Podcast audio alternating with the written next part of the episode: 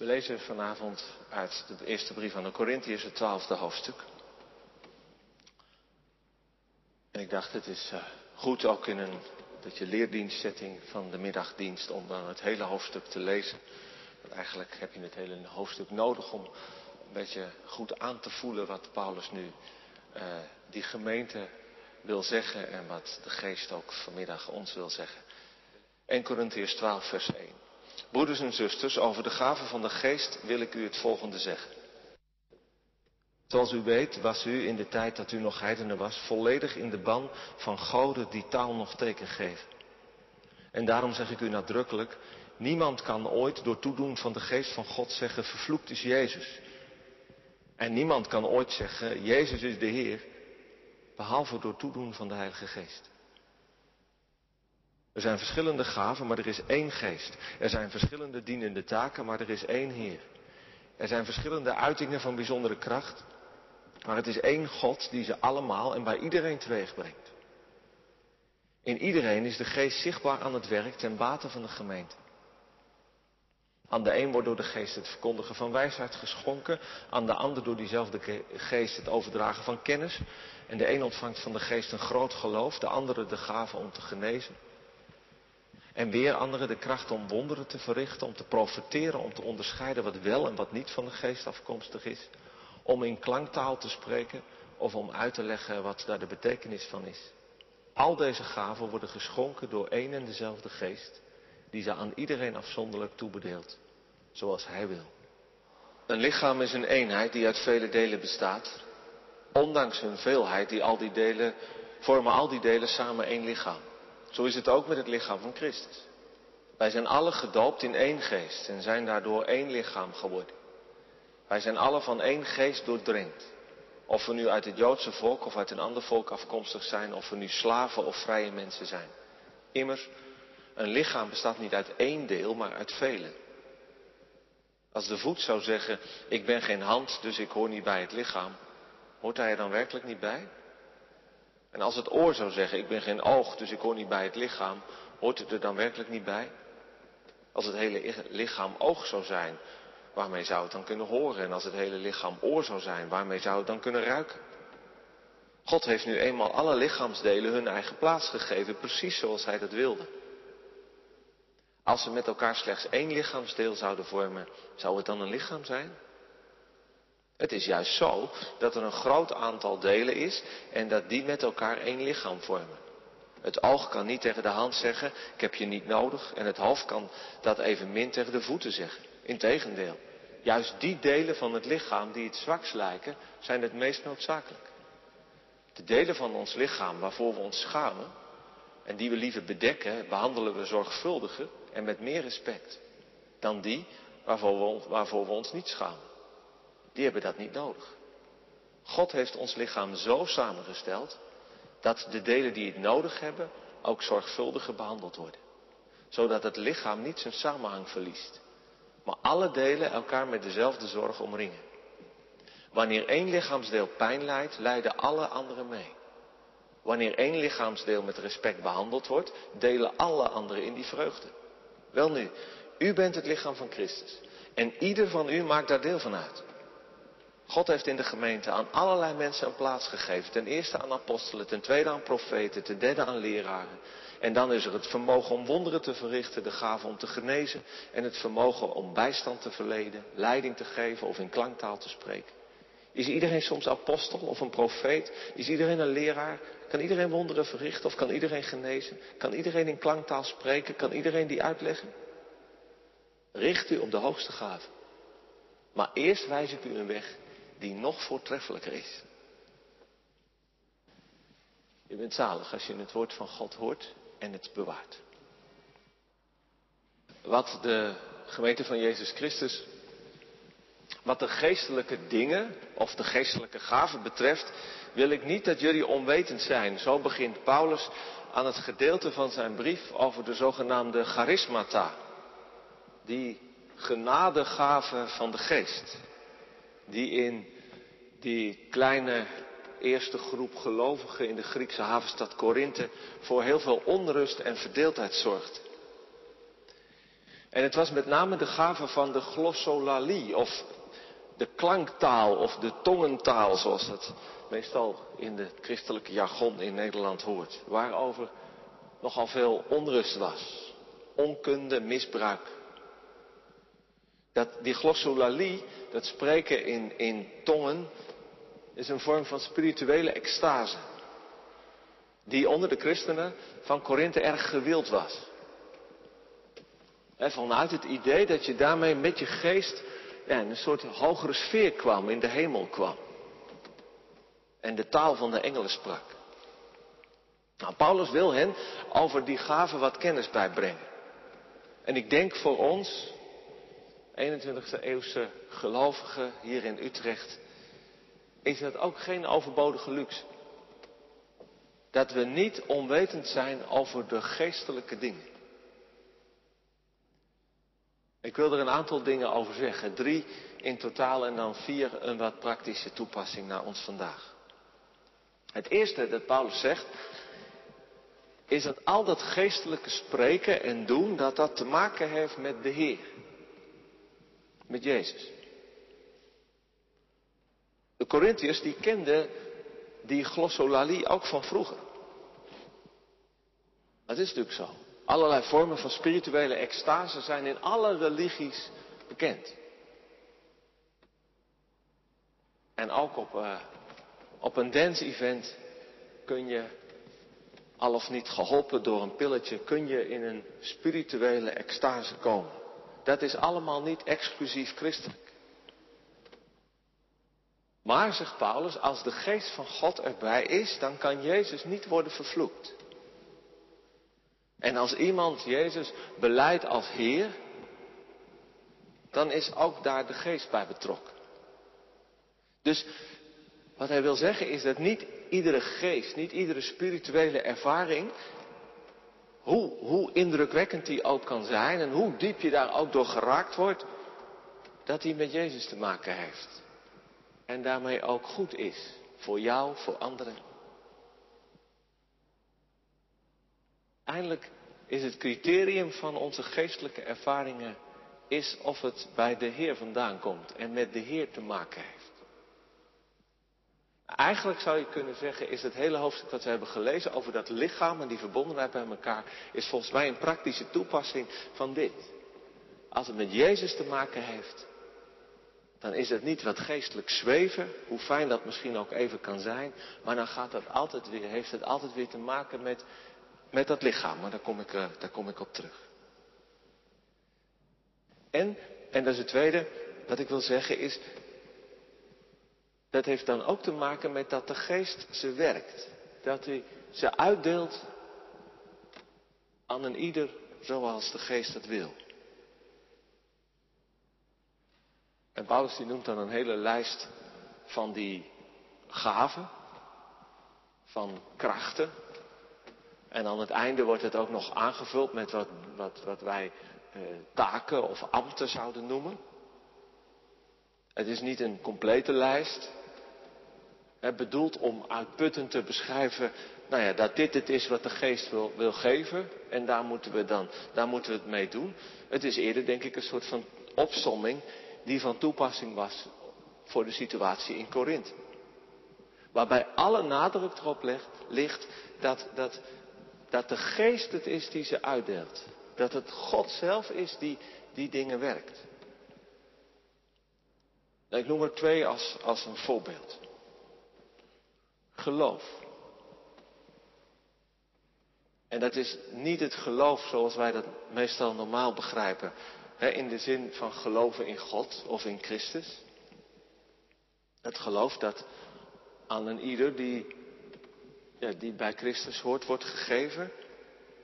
Maar het is het geloof als een bijzondere gave om in een bepaalde situatie te vertrouwen op de leiding en de kracht van God. Ik kwam een mooie, mooi citaat tegen in een, in een commentaar. De, de uitbundige, robuuste en optimistische aanvaarding van Gods machtige liefde en genade. Dus de uitbundige, robuuste, optimistische aanvaarding van Gods machtige liefde en genade op zo'n manier dat het moed geeft aan iemand of een gemeenschap. En dit is een geschenk. Een genade. Als iemand bijkomt, als jij het allemaal niet meer weet en je er geen vertrouwen meer in hebt. En iemand komt dan niet bij je met, de, nou ja, met wat optimistische pep talk. Of het stokpaardje van dat, ja, dat God alles kan. Maar iemand komt bij je met haar of zijn geloof en komt naast je staan. En misschien neemt die persoon het wel even van je over. Jij kan het allemaal niet geloven, maar er is iemand die zegt maar, en, en ik heb een diep vertrouwen, het komt, het komt goed. God is hierbij. Of dit is de, ik, ik vertrouw erop dat de weg die je nu gaat, dat God die zal zegenen. En ik denk dat we die gaven van geloof, dat we die ook nodig hebben, denk ik, als, als bezorgde kerk. In tijden waar veel verandert en er veel onzekerheid is. Mensen die, die door de geest van God zeggen, met overtuiging, geloof dat God er nu bij is.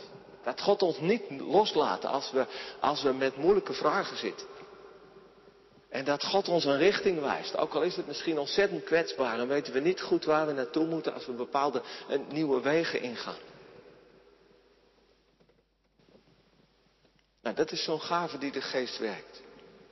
En die andere gaven die, die Paulus noemt, dat zijn ja, woorden van kennis of wijsheid of profetie. Niet helemaal helder uh, hoe je die, uh, die van elkaar moet, moet onderscheiden. Maar dat is dat iemand een, een raak woord, geïnspireerd door de geest tegen een ander zegt. Heel concreet, ter bemoediging of, of als waarschuwing of juist een soort van inzicht. En die gaven die zijn bedoeld voor anderen. Aan een ieder wordt de openbaring van de geest gegeven dat tot opbouw is, tot, tot nut is voor de ander. Wat je, letterlijk staat er in het Grieks een woord, wat je samen draagt. Wat je dus met de ander draagt. Dat is een mooi beeld.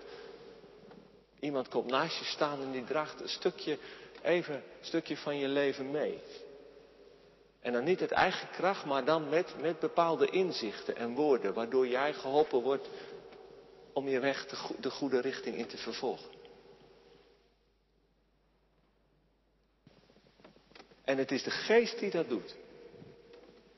Ik weet niet hoe dat voor jullie geldt, maar, maar als je niet helemaal een vreemde bent van alles wat charismatisch is in de kerk, dan weet je dat rond de gaven van de geest een idee kan hangen dat jij en ik moeten ontdekken wat je gave is.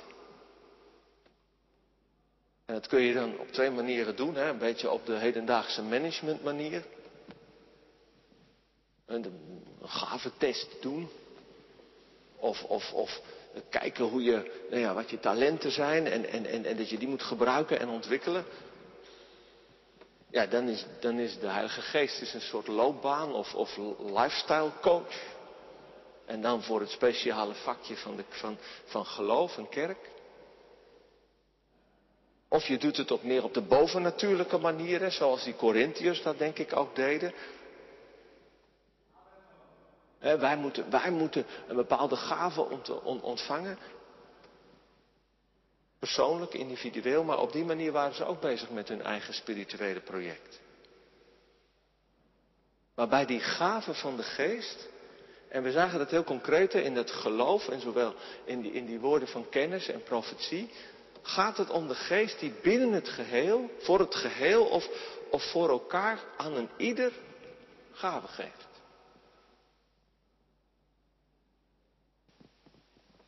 En dat kunnen hele diverse dingen zijn. En vandaar, en dat is het derde wat ik wil zeggen, dat Paulus ook over dat lichaam begint. De kerk. Want zoals het lichaam één is en veel leden heeft, hè, ons menselijk lichaam, en al de leden van dit ene lichaam, hoewel het er heel veel zijn, één lichaam zijn, zo ook Christus. Het lichaam, dat was uh, een bekend beeld om over de gemeenschap te spreken. Veel grote Griekse en Romeinse filosofen gebruikten dat beeld ook. Dus het is niet zo gek dat Paulus die, die redelijk geschoold was in, uh, in, in, in wat er in de, in, de, in de omliggende cultuur in die tijd uh, aan de hand was, dat Paulus dat beeld ook gebruikt. Het is, het is één en toch is het verscheiden. Maar Paulus heeft er nog een doel mee. Hij heeft het over geestelijke dingen. En die Corinthiërs die dachten dan aan de hemel en aan engelen. En aan spirituele zaken die, boven, ja, die, die je boven jezelf en, en al dat aardse gedoe deden uitstijgen.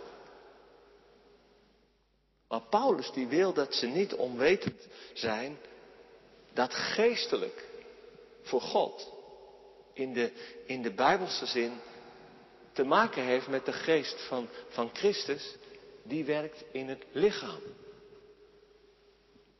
Die ons allen tot één lichaam heeft gemaakt. Dus die tegenstelling tussen spiritueel en, en, en lichamelijk is denk ik heel bewust. En om hen dat te laten begrijpen heeft Paulus het over ja, gewoon die gewone dingen van ons lichaam. Voeten en oren en handen. En zelfs over die oneerbare lichaamsdelen, de geslachtsdelen. En dat, dat, dat, dat, dat moet een beetje ja, chockerend zijn geweest, denk ik, voor die mensen in Korinthe. Dat het geestelijk, dat het zich afspeelt op de aarde. Tussen de mensen. Met onze lichaam. Daar komt de geest. Daar is Christus aanwezig met zijn verlossing. Met zijn kracht, met zijn, met zijn liefde. Ja, en ook, ook soms met zijn, met, met zijn extatische vreugde.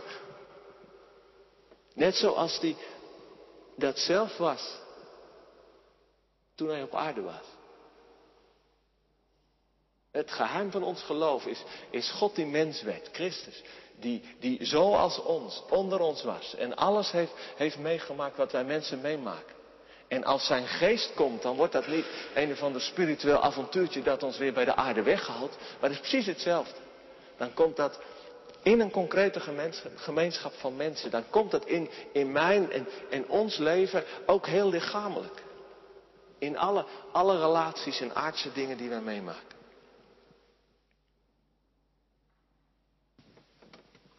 En die geestelijke gave, die aanwezigheid van de geest van Jezus op aarde, is, is net als ons menselijk lichaam een, ja, een veelheid, een verscheidenheid.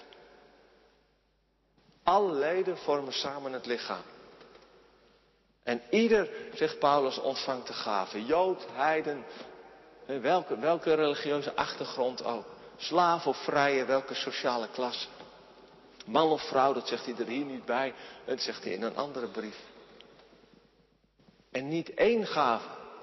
En voor de Corinthiërs was het die van die glossolalie, van de klanktaal, die springt eruit. Die is, die is nou echt de, de, het teken van, van, van geestelijk leven. En je kunt ook niet zeggen van nou, ik heb, ik heb zoiets goeds ontvangen. Ik heb anderen ook eigenlijk niet meer nodig. Ik, ik, ik heb genoeg aan wat ik heb ontvangen. En het, zal nergens op slaan als je hoofd zou zeggen, nou ja, het, ik ben het centrum van, van, van, van, van bewustzijn en zonder mij is helemaal niks in het lichaam, dus ik heb geen voeten nodig. En dan gaat Paulus verrassend nog een stapje verder. Het is jammer, ik denk dat ik een verkeerd nummer heb doorgegeven.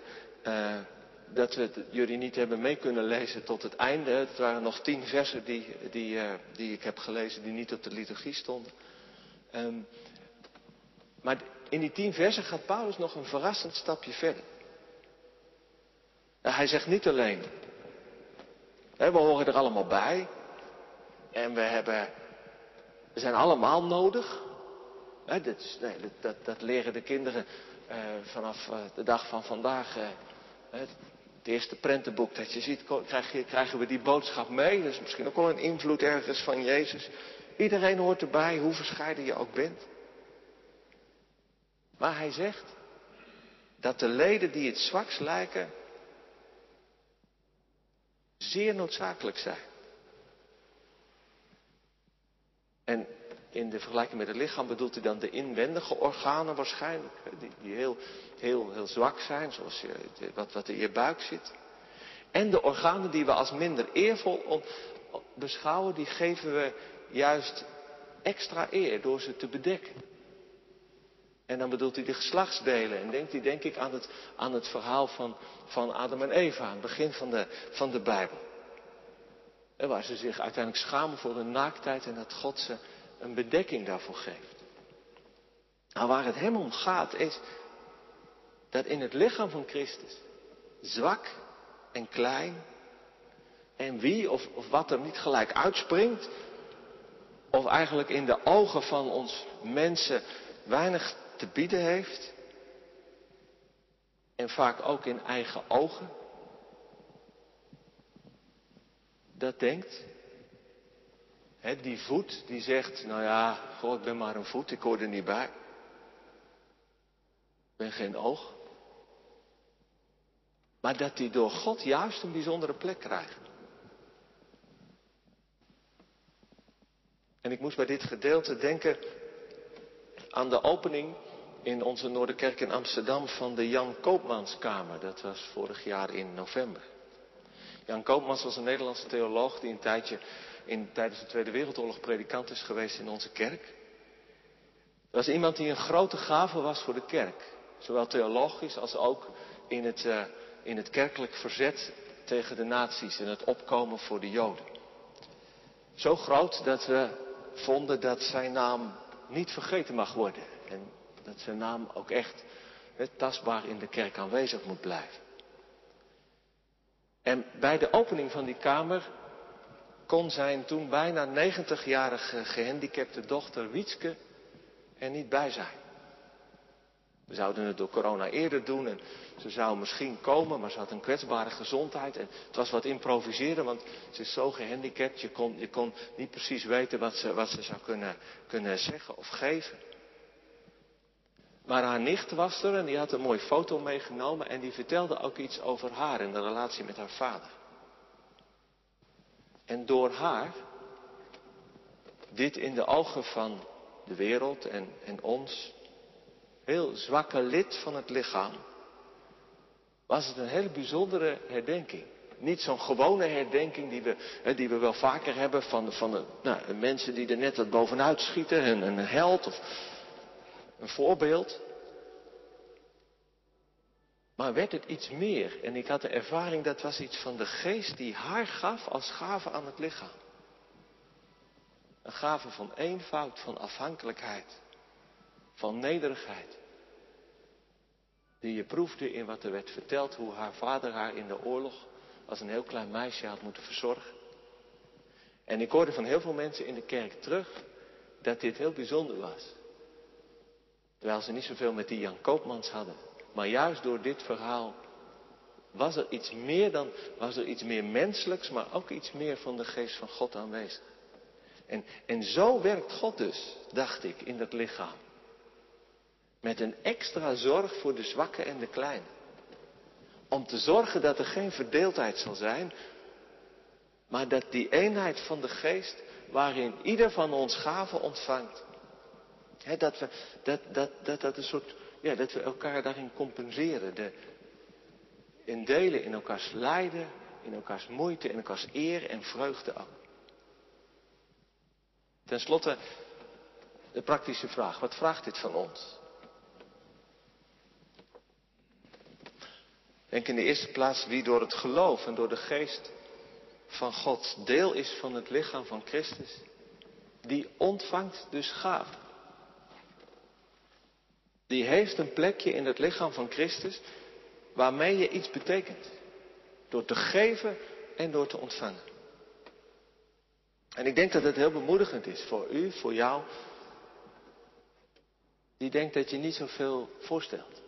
Dat je niet zoveel te bieden hebt. Het is de geest die gaven uitdeelt. En het zijn dus geschenken. Niet omdat je zo goed bent of omdat je zoveel hè, natuurlijke kwaliteiten hebt.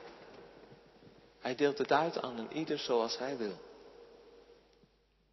Dat is bemoedigend. Het is denk ik ook kritisch voor ons in de kerk en ook voor mijzelf die zoveel verwachten van een predikant.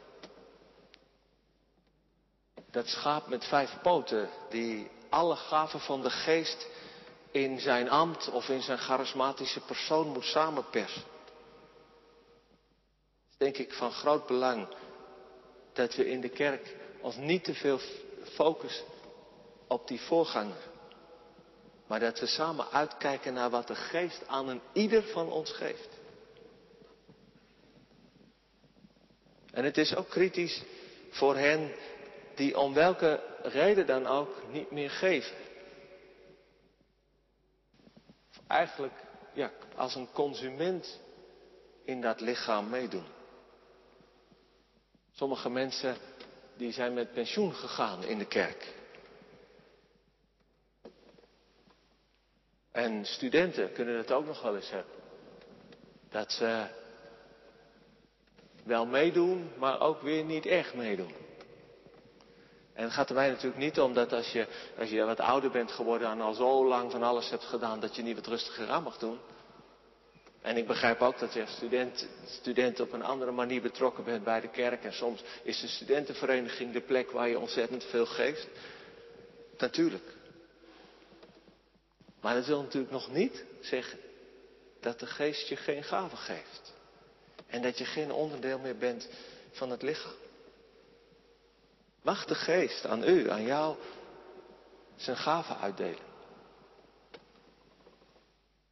Voor het nut van, van het geheel en van anderen. En misschien wel mag de geest je er weer bij trekken.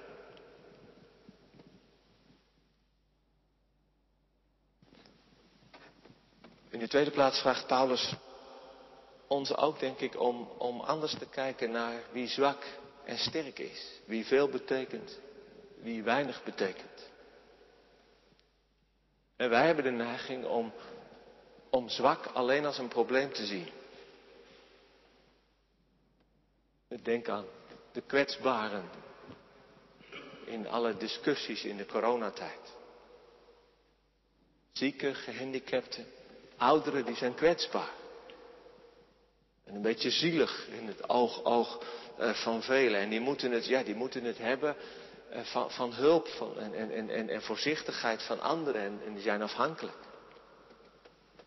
Maar als de geest een, een, ieder lid van, ieder lid van het lichaam maakt. En gaven geeft om samen te dragen. Dan toch ook de zwakkeren. Zouden we niet anders durven kijken in de kerk en, en ook in de samenleving? Bijvoorbeeld, welke gaven hebben demente broeders en zusters in het geheel? Natuurlijk. Ook dat ze extra zorg nodig hebben. Dat het lijden is voor hen en voor degenen die dichtbij hen staan. En dat, dat, dat wij moeten meeleiden en meezorgen. Maar hebben ze ons ook niet iets te geven? En zouden we, is het niet ontzettend belangrijk om zo ook met hen om te gaan, naar hen te kijken? Ik denk dat dat beeld van het lichaam van Christus, zoals Paulus dat hier gebruikt, dat het niet een of ander management idee is van iedereen doet, doet mee. Maar, maar dat echt dat lichaam, met, met het oog ook voor die zwakken en, en die kleine, dat is denk ik zo'n typische bijbelse ondermijning van de manier waarop wij het leven waarderen. En organiseren. En, en hoe wij kijken naar elkaar en naar onszelf.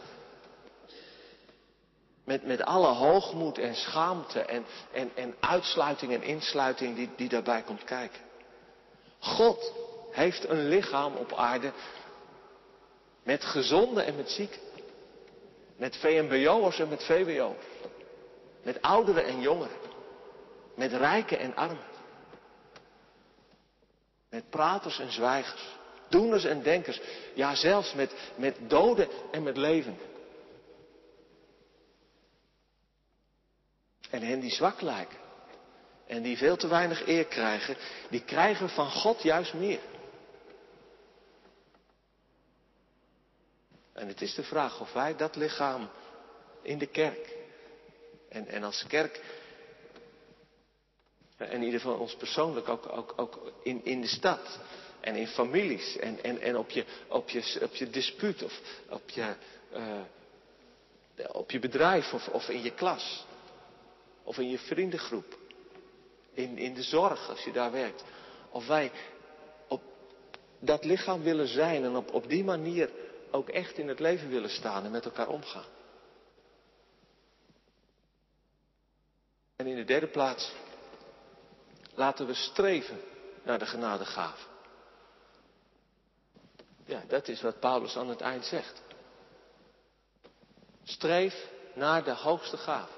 Het is niet alleen denk erover na en, en, en, en, en, en laat, laat je denken en voelen vormen. Nee, ga er ook echt voor. De geest deelt ze uit. En het is een geschenk, maar wij kunnen er wel naar streven en naar verlangen. Je ervoor openen, ze zoeken. En ik denk dat we als traditionele protestantse uh, gelovigen en, en, en, en kerk, dat we het altijd een beetje lastig hebben met, met, die, met die charismata, met die, met, die, met die dingen, met die geestesgaven. En zeker als het dan gaat over, over, over die, die, uh, die tongentaal, over profetie en geloof en krachten. En ik begrijp ook dat we daar wat lastig mee hebben. Dat heeft met onze cultuur te maken en het heeft ook te maken met slechte ervaringen ermee. Er wordt van alles overdreven, zoals in, in Korinthe ook. Maar ik verlang er wel naar. We redden het als kerk echt niet zonder de geest. Zeker niet in de tijd waarin wij leven. Met die, de grote veranderingen, met de grote vragen die op ons afkomen, hè, wereldwijd. En met, met, met de, de verdeeldheid in de samenleving die, die ook in, in de kerk doorwerkt. Een kleine minderheid die we zijn, met, met nog steeds diezelfde grote roeping om het lichaam van, van, van Jezus hier in de wereld te zijn. We kunnen het niet zonder de geest. En we hoeven het ook niet zonder de geest te redden. En, en dat is goed nieuws. Dat is uiteindelijk gewoon simpelweg evangelie. De geest heeft ons tot één lichaam gedoopt. En de geest die deelt gaven uit. Voor het geheel van de gemeenschap. Om, om samen te dragen. Leven, het geloven, ons kerk zijn. Maar ook onze roeping als gemeente. En, en, en, en jullie roeping, ieder van ons, op onze eigen plek waar we, waar we leven en bezig zijn. En als afsluiting dacht ik, nou laat ik dan zeggen dat we daar nu eens gewoon concreet voor bidden. Ieder van ons. Toen dacht ik, nee, misschien moeten we het anders doen. Meer op die manier van Paulus. Dat ieder voor ons voor een ander bidt. Dat de geest zijn gaven uitdeelt. Kies maar iemand uit. En een gave waar je het gevoel van hebt, die is nodig. En dat je tegelijk jezelf opent. Om niet onwetend te blijven over die geestelijke gaven. En de gave waar die ander nu voor zal gaan bidden, dat jij die ontvangt. Want wij zijn het lichaam. Amen.